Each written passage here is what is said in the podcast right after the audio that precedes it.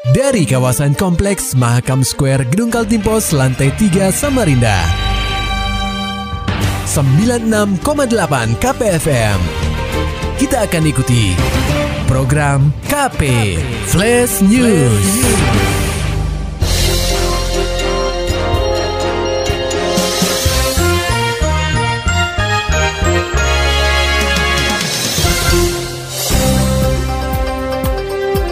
Anda sedang menyimak program KP Flash News bersama saya Agung Pratama.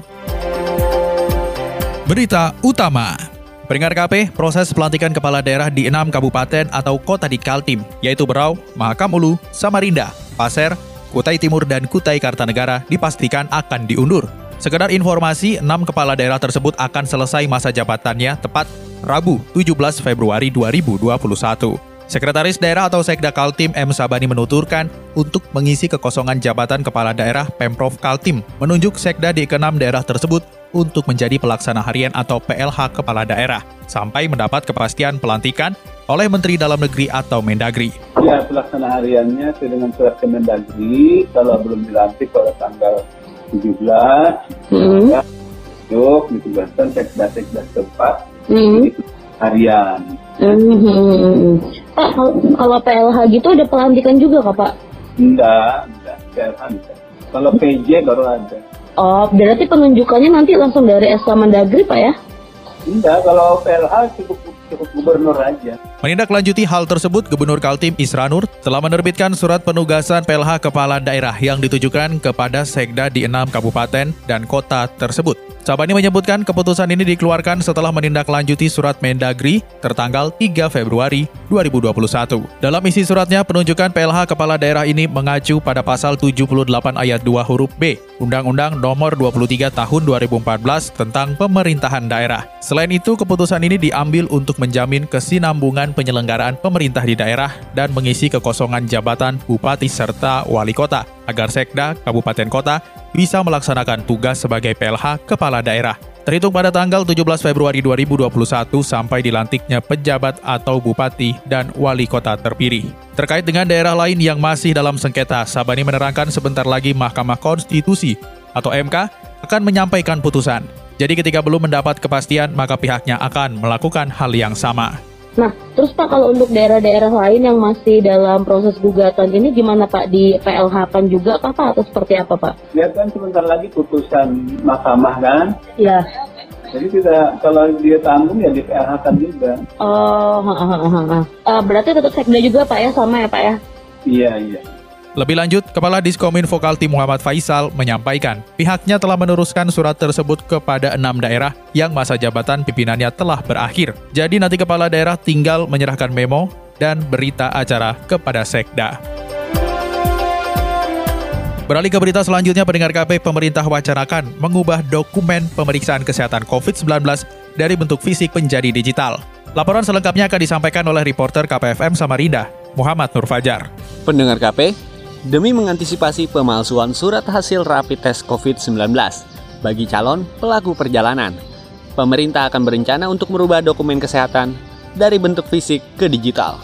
Kepala KKP kelas 2 Samarinda, Solihin memaparkan, dalam melakukan validasi surat hasil tes COVID-19, pihaknya mengacu pada Undang-Undang atau UU Kekarantinaan Kesehatan Nomor 6 Tahun 2018 Surat Edaran Kementerian Kesehatan Nomor 283 tentang Protokol Pelaku Perjalanan, serta Surat Edaran Satgas Penanggulangan COVID-19 Nomor 7 Tahun 2021. Di situ diamanatkan bahwa kantor kesehatan pelabuhan se-Indonesia harus melakukan uh, screening atau penilaian terhadap pelaku perjalanan dengan cara menilai atau memvalidasi surat keterangan kesehatan yang dibawa oleh calon pelaku perjalanan baik di pelabuhan ataupun di bandara udara. Solihin menjelaskan, tujuan dilakukan screening adalah untuk menyaring jika ada pelaku perjalanan yang positif COVID-19.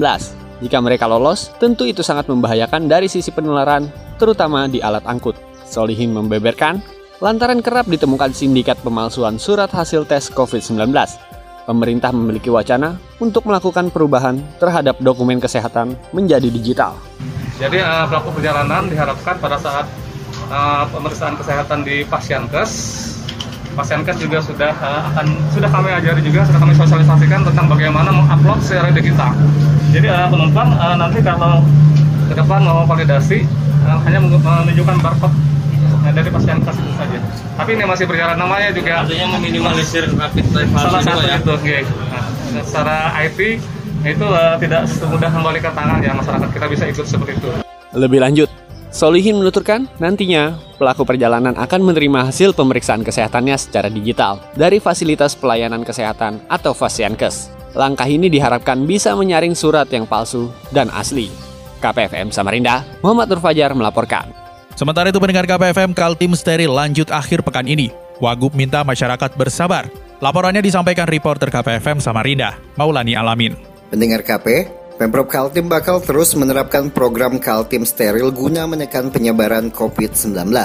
Agenda itu berlaku di setiap akhir pekan atau Sabtu dan Minggu. Melalui langkah ini, Wakil Gubernur Kaltim Hadi Mulyadi menjelaskan, program Kaltim Steril adalah kebijakan yang sangat toleran dalam memperhitungkan stabilitas ekonomi masyarakat. Hadi menjelaskan, evaluasi terhadap penerapan Kaltim Steril akan dilakukan pada akhir Februari. Orang nomor dua di Kaltim itu meminta masyarakat tidak terlalu mempersoalkan kebijakan ini di media sosial. Saya ingin sampaikan kepada masyarakat, jadi kan mereka mengeluhkan nih masalah karena diliburkan Sabtu Ahad, Sabtu Minggu ya. Saya katakan pemerintah Provinsi Kaltim ini sudah sangat toleran, karena kita melakukan lockdown itu kan pada bulan akhir Maret. Itu hampir satu tahun kita tidak, karena kita kasihan tidak ada tindakan yang khusus. Jadi jangan melihatnya di Sabtu Ahad tanggal bulan Februari ini, tapi lihatlah beberapa bulan yang lalu yang kita berikan kelonggaran. Tapi kita juga kasihan dengan tenaga kesehatan, pasien mereka banyak. Kalau kita tidak melakukan treatment langkah-langkah yang seperti ini, jadi ini adalah langkah yang adil yang telah kita lakukan. Penularan virus corona di Kaltim masih mengkhawatirkan. Merujuk data Satgas Penanganan COVID-19 per Senin 15 Februari 2021, terdapat 362 orang terkonfirmasi positif. Sehingga jumlah kumulatif COVID-19 di benua etam pada periode yang sama mencapai 49.534 kasus. Sementara pasien yang masih dalam perawatan mencapai 8.128 orang. KPFM Samarinda, Maulani Al-Amin melaporkan. Kita beralih ke dunia olahraga, pendengar KP Pengprov Persatuan Tinju Amatir Indonesia atau Pertina Kaltim mulai melakukan persiapan menjelang sejumlah agenda besar seperti Porprov ke-7 Brau hingga PON ke-20 Papua. Salah satunya adalah menunjuk pelaksana tugas atau PLT Ketua. Hal ini dilakukan setelah Nasir Balfas selaku Ketua Pertina Kaltim meninggal dunia pada Kamis 4 Februari 2021 lalu. Diketahui akhir kepemimpinan Nasir Balfa sebagai Ketua Pertina Kaltim sampai September 2021.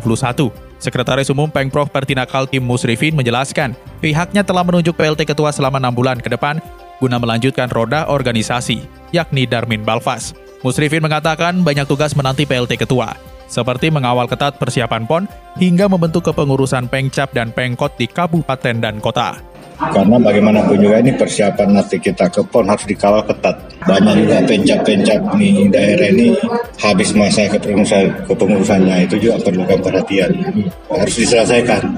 Jadi tugasnya PLT ini berat ini. Harus menyelesaikan masalah-masalah yang ada di daerah. Sekretaris Umum Pengprov Pertina Kaltim Musrifin menyebutkan pihaknya akan menyetorkan nama Darmin Balfas sebagai PLT Ketua Pertina Kaltim ke pengurus besar Pertina dalam waktu dekat. Maulani Alamin, Muhammad Nur Fajar, KPFM Samarinda. Serta dapatkan berita-berita selengkapnya di www.968kpfm.co.id.